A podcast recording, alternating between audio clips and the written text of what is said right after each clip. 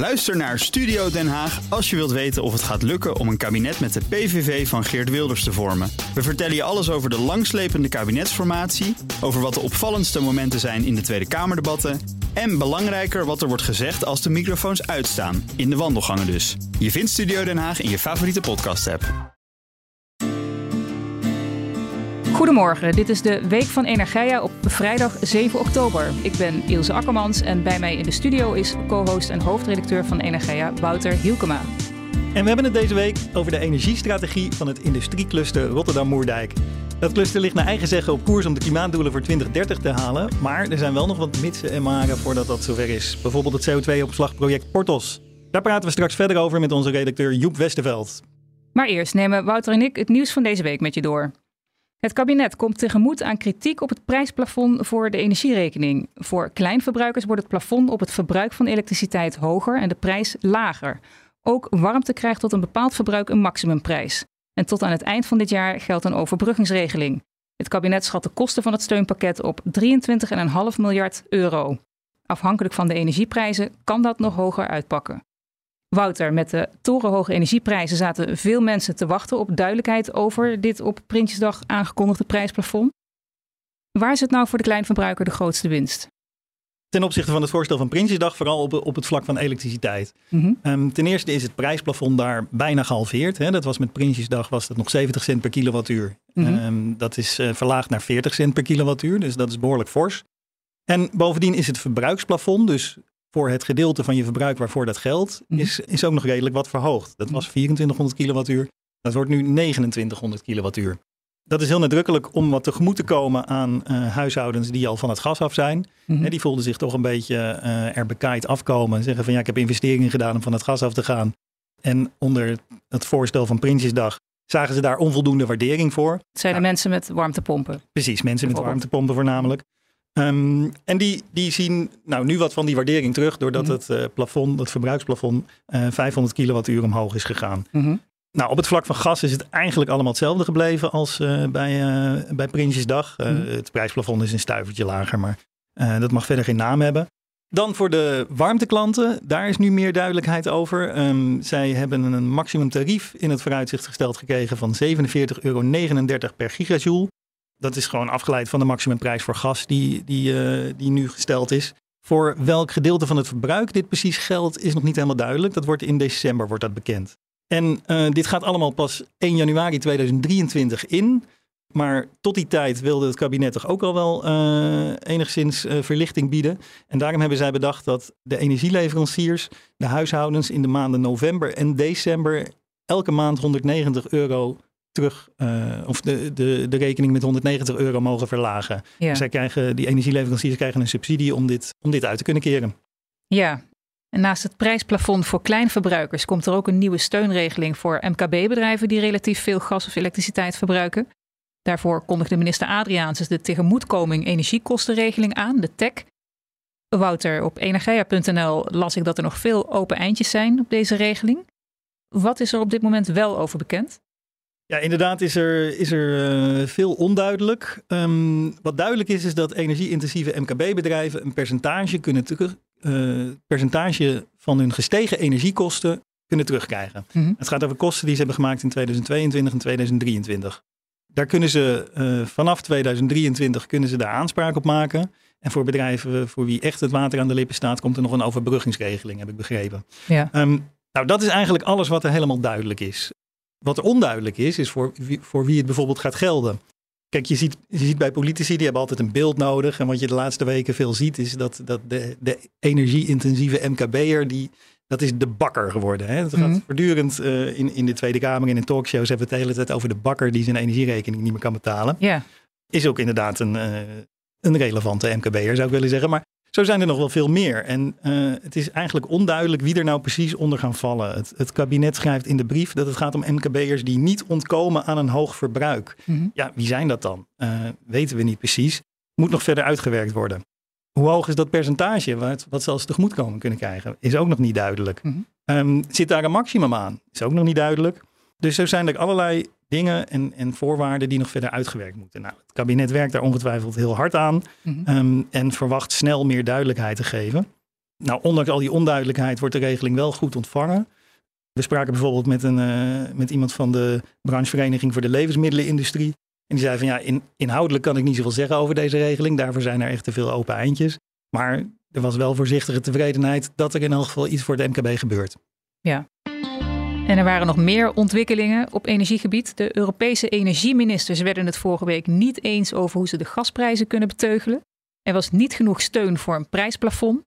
In plaats daarvan kijken ze nu naar een alternatief voor de TTF-handelsplaats als belangrijkste prijsbepaler. Wouter, de TTF, de Title Transfer Facility, dat is een virtuele handelsplaats. De gasprijzen op dit platform zijn maatgevend voor Europa. Wat moeten we ons voorstellen bij een alternatief daarvoor?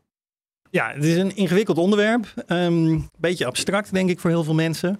Kijk, Europa kwam er dus niet uit met het prijsplafond, dat zei je al. Uh, lidstaten kunnen het daar niet over eens worden. Sommigen willen een prijsplafond voor al het gas wat Europa binnenkomt. -hmm. uh, sommigen willen het helemaal niet. Sommigen willen het alleen op Russisch gas.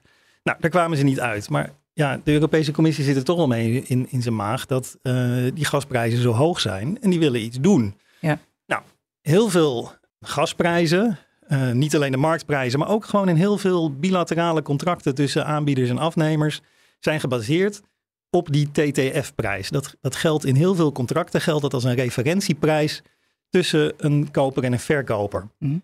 Nou, nu heeft de commissie bedacht van ja, kunnen wij daar dan niet wat mee doen? He, want die TTF-prijs, die is door de geopolitieke situatie en door de schaarste die we nu in Europa hebben, is die best wel hoog. Mm. Maar je kan natuurlijk ook een, een, een andere referentieprijs kiezen.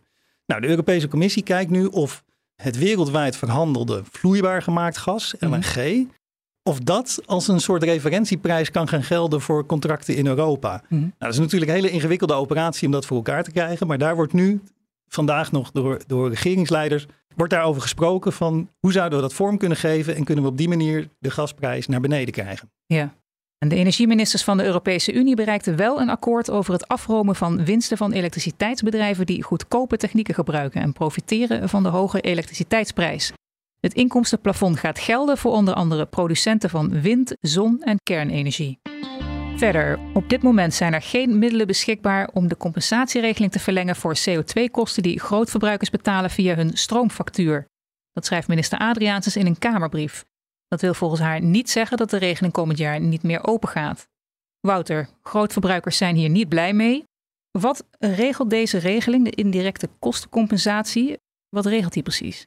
Nou, dat is een beetje ingewikkeld, maar industrieën die veel stroom verbruiken, die betalen via hun stroomrekening betalen zij ook voor, voor de CO2-kosten van de elektriciteitsproducenten. En een elektriciteitsproducent, bijvoorbeeld een gascentrale of een kolencentrale, uh, die heeft behalve zijn brand, brandstofkosten ook te maken met de kosten voor de CO2-uitstoot via het emissiehandelssysteem, ETS. En de kosten die die elektriciteitsproducent daarvan maakt, verrekent hij door in zijn stroomrekening. Ja. Dus stroomafnemers um, betalen op die manier daar, daar dan weer voor.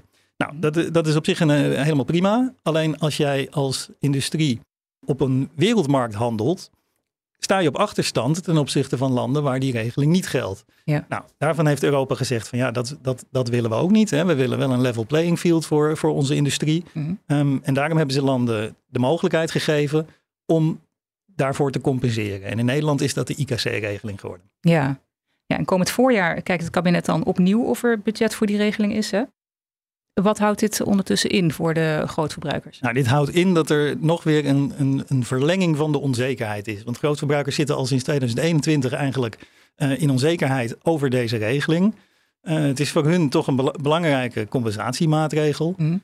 En um, het vorige kabinet, Rutte 3, heeft uh, um, bepaald dat in elk geval tot en met de kosten die gelden tot en met 2021, dat die gecompenseerd worden. Mm. En uh, over voortzetting van de regeling hebben ze gezegd van ja, dat, dat, dat laten wij aan Rutte 4.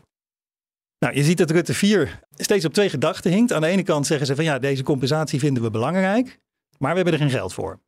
En de bedrijven hoopten met Prinsjesdag hier duidelijkheid over te krijgen. Nou, in de miljoenennota stond, uh, stond niks over voortzetting van de regeling. De. Tenminste, ja, er stond een nul bij, de, bij, bij het budget. Ja. Nou, dat is nu nog steeds de stand van zaken. Uh, er is geen budget, schrijft uh, Mickey Adriaansens ook. Alleen de consequentie van dan stopt de regeling, die wordt, die wordt niet getrokken. Die conclusie wordt niet getrokken. Er wordt nu gezegd van nou, misschien dat we in het voorjaar wel weer budgetvrij kunnen maken. Dus laten we daarop wachten. Ja. Nou, dat is nu de stand van zaken, verlenging van de onzekerheid. Dank voor je toelichting, Wouter. Het industriecluster Rotterdam-Moerdijk ligt met zijn energiestrategie naar eigen zeggen op koers om de klimaatdoelen voor 2030 te halen. Maar de uitspraak van de Raad van State deze maand in de stikstofzaak over het CO2-opslagproject Portos kan daarvoor grote gevolgen hebben. Over hoe dat zit praten we deze week met redacteur Joep Westerveld. Welkom Joep. Goedemorgen. Joep, jij bent onze redacteur industrie. Jij volgt de industrieclusters. Laten we het eerst even hebben over Rotterdam-Moerdijk. Dat is een van de vijf, vijf grote energieclusters in Nederland. Rotterdam-Moerdijk heeft afgelopen week een update gepubliceerd van zijn cluster energiestrategie, de CES. Um, wat staat daarin? Ja, nou misschien goed om eerst eventjes te vertellen wat uh, die sessen zijn. Je hebt, ik denk dat mensen uh, wat, misschien wat beter bekend zijn met de regionale energiestrategieën. Hm. Waarin dus uh, regio's hun plannen bekendmaken voor hoe, hoe zij willen gaan verduurzamen. Dat bestaat dus ook voor de grote industrieclusters in Nederland. die hebben allemaal vorig jaar een plan gemaakt. En dat is belangrijk, want alle grootverbruikers zitten in principe in de industrieclusters. Dus wat hun plannen zijn voor verduurzaming is nogal belangrijk voor wat voor infrastructuur er moet komen te liggen. Nou, uh, ik zei al, vorig jaar hebben ze allemaal een eerste versie gemaakt. Rotterdam Moerdijk heeft nu een, een soort update uh, gemaakt. En dat bestaat eigenlijk uit dat ze gewoon meer informatie hebben verzameld van de bedrijven, wat precies hun plannen zijn. Want, want dat is uiteindelijk uh, waar zo'n 6 op gebaseerd is. De plannen van individuele bedrijven, die veeg je samen. En dan ontstaat een beetje een beeld van, oké, hoeveel waterstofinfrastructuur, hoeveel stroominfrastructuur, et cetera, hebben we nodig. Ja, je hoort de netbeheerders ook altijd zeggen hè, dat het heel belangrijk is dat in kaart moet worden gebracht wel, eh, wat de industrie nou precies wil, wat hun vraag wordt. Precies, en, en, en daar zijn de zessen dus uh, voor bedacht. Alleen uh, het blijft toch moeilijk om dat helemaal goed in kaart te brengen. Want uh, nou, ten eerste hebben niet alle bedrijven nog helemaal hun plannen vaststaan. Dat hangt ook vaak weer van bepaalde ontwikkelingen af. Daarnaast willen sommige bedrijven gewoon simpelweg niet alle gegevens zomaar geven. Want het, ja, dat zijn bedrijfsgevoelige, concurrentiegevoelige informatie vaak. Dus het is best wel moeilijk om dat goed uh, te verzamelen. Nou, ze hebben nu in ieder geval weer voor Rotterdam, Moerdijk, nieuwe informatie verzameld. En daaruit uh, kunnen ze dan in ieder geval concluderen dat, uh, dat het cluster ja, op stoom is om, om de doelen voor 2030 te halen. Wat een CO2-reductie is van 55 procent. Ja, maar... er zijn wel voorwaarden aan verbonden. Uh, precies, ja. Dat, uh, daar zijn nogal wat voorwaarden aan verbonden. En dat is eigenlijk vooral uh, de, de, beschikbaarheid van voldoende hernieuwbare elektriciteit, voldoende hernieuwbare waterstof en voldoende CO2-opslagcapaciteit. Want zeker tot aan 2030 is dat een hele belangrijke manier om, om de CO2 te reduceren. Ja. Na 2030 komen er andere oplossingen, maar tot die tijd is dat echt heel belangrijk. Ja, en dat geldt in die voorwaarden. Dat geldt eigenlijk voor alle klimaatplannen van, van de industrie in de cluster energiestrategieën. Ik begrijp dat de elektriciteitsvraag erdoor gaat verdriedubbelen. Is dat wel haalbaar gezien ook de huidige problemen met netcongestie? Nou, dat, dat, dat is um, een uitdaging, laten we het zo zeggen. Wat, wat wel voor de clusters belangrijk is, is dat vier van de vijf grote clusters liggen aan zee. Uh, dus die liggen op plekken waar de, de stroom van de windpark op zee aan land komt. Dus dat geldt voor Rotterdam, dat geldt voor Zeeland, dat geldt voor zeg maar Amsterdam-IJmuiden. En dat geldt voor de Eemshaven. En de enige die dus niet aan zee ligt is uh, Gemelot in, in Limburg. Mm -hmm. uh, als je bijvoorbeeld kijkt naar Rotterdam. Die hebben dus nu de, de, de energievraag, uh, verwachte energievraag in kaart gebracht. Die, en dat hebben ze dan ook zelf vertaald in wat zij verwachten hoeveel megawatt aan productie daarvoor nodig is aan wind op zee. Mm -hmm. En nou, dan kom je dus in 2030 op 6 gigawatt. De verwachting is dat in Rotterdam rond die tijd ook ongeveer 7,5 gigawatt stroom aan land komt, die er nu, dus nu nog niet uh, is. Ja. Dus dat om een beetje een, een, beeld te geven. Door de windparken die worden aangelegd nog. Ja, precies. En het idee is dus dat omdat de wind, windstroom daar aan land komt, zit je niet met het probleem van, van de netcongestie, omdat het daar dan ook gelijk verbruikt wordt. Ja, bijvoorbeeld in Rotterdam is veel stroom ook nodig voor uh, productie van groene waterstof. Nou, dat zit echt aan zee, vlak bij de plek waar het aan land komt. Dus daar is dan relatief weinig nieuwe infrastructuur voor nodig om dat met elkaar in, in verband te, te brengen. Voor Gemelot geldt dat dus wel een beetje anders. Want daar moet echt nog wel een verbinding van die stroom. Uh, ja, die moet gewoon echt een stuk in land gebracht uh, uh, worden. Um, dus ja, dat, dat, dat is een uitdaging. Ja, nu noemde je net al CO2-opslag. dat dat ook een belangrijke voorwaarde is voor het slagen van die, nou ja, van die sessen, van het, van de, van het reductiedoel, CO2-reductiedoel. Portos, dat is zo'n CO2-opslagproject, uh, is cruciaal, begreep ik, uh, voor Rotterdam om, om überhaupt een klimaatdoel te halen. Wat houdt het project Portos precies in? Kan jij dat vertellen? Ja, het uh, project Portos is dus een project waarbij CO2 wordt afgevangen bij industriebedrijven in de haven van Rotterdam. Dat zijn, dat zijn nu vier bedrijven die dus CO2 gaan leveren. Dat gaat dan via een, een, een buis naar opslag onder de Noordzee. En daar komt dan een, compressorstation en dan wordt het daar opgeslagen in een leeg uh, gasveld. Dat is het, dat is het plan. En daarmee, de, die, die buis heeft een capaciteit van 5 megaton per jaar. dus de vraag of die ook al helemaal op maximale capaciteit gebruikt zal gaan worden. Maar om je, een, om je een, indicatie te geven, in Rotterdam verwachten ze in 2030 dus 9,6 megaton nodig te hebben aan opslagcapaciteit. Dus zelfs als je portals maximaal gebruikt, dan, dan nog heb je extra uh, projecten nodig. Nou, dan heb je bijvoorbeeld uh, Aramis. Dat is een vergelijkbaar project, alleen dan gaat de CO2 per boot naar een locatie en wordt het dan vervolgens in een leeg gasveld gepompt. Maar goed, Portals is wel al iets verder in de ontwikkeling. Daar, daar is dus nu een, een, er loopt een rechtszaak tegen Portals, dus het is onzeker of dat doorgaat. Ja, want het is een milieuorganisatie, hè? Mobilization for the Environment. Die heeft bezwaren tegen het project. Welke bezwaren zijn dat? Ja, dat gaat eigenlijk vooral over de, de stikstofuitstoot bij de. Um, ik zei net, er moet een compressorstation komen eh, op de Noordzee om dat uh, CO2 in het gasveld, het lege gasveld te kunnen pompen. Mm. Nou ja, bij de aanleg daarvan komt stikstof uh, vrij. Uh, en zij zeggen, ja, dat slaat neer in een Natura 2000 gebied, zodat die vergunningen, de omgevingsvergunningen die daarvoor zijn afgegeven, die houden daar geen rekening mee. Het ministerie zegt, die hebben een partiële vrijstelling daarvoor gegeven. Wat, wat eigenlijk zoveel wil zeggen dat um, de stikstof die bij de bouw van een bepaald project vrijkomt, die, dat die niet wordt meegeteld. Mm -hmm. uh, maar MOB vindt, vindt dat zij die partiële vrijstelling dus niet hadden mogen geven voor dit project. Want volgens hen is dat in strijd met de Europese habitatrichtlijn. Ja, um, dus daar gaat nu de rechtszaak eigenlijk over van uh, blijft die uh, vergunning in stand ja of nee? Uh, als de Raad van State dus meegaat in, in, in het verhaal van MOB, ja, dan, dan, dan vervalt die vergunning. Dan kan het project gewoon niet doorgaan. En is dat, heeft dat alleen consequenties voor portals of is dat nog veel breder? Dat is veel breder. Dat is, dat is echt veel breder, want er zijn heel veel projecten ook voor de energietransitie alleen al, die heel erg belangrijk zijn voor de energietransitie, die, die, die op vergelijkbare vrijstelling hebben gekregen. Dus dan, als dat niet doorgaat, dan... Aanlanding van, van de windparken bedoel je daarmee? Het aanleg van de waterstofbackbone, al dat soort dingen komt dan op losse schroeven te staan? Allemaal op losse schroeven te staan. Je hebt projecten uit de, uh, nou, de, de MIEK heet dat. Dat, dat, dat zijn uh, eigenlijk zeg maar, zes projecten van nationaal belang. Infrastructuur voor, uh, voor de energietransitie. wat ook trouwens gebaseerd is op die zessen. Al dat soort projecten komt op losse schroeven te staan. Dus dat wordt heel erg spannend wat, uh, wat de uitspraak daar gaat zijn. Ja, en opnieuw dreigt een uitspraak in een zaak die draait om de uitstoot van stikstof, dus de ambities van het kabinet te beteugelen. Is al uh, duidelijk wanneer die uitspraak gaat zijn?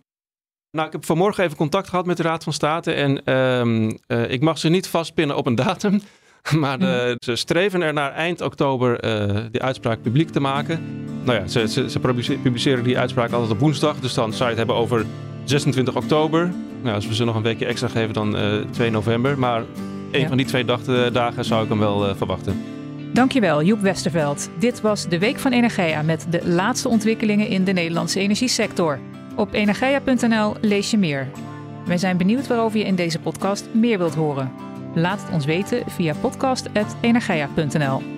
Fijn dat je luisterde. Een fijne dag en over een week zijn we er weer.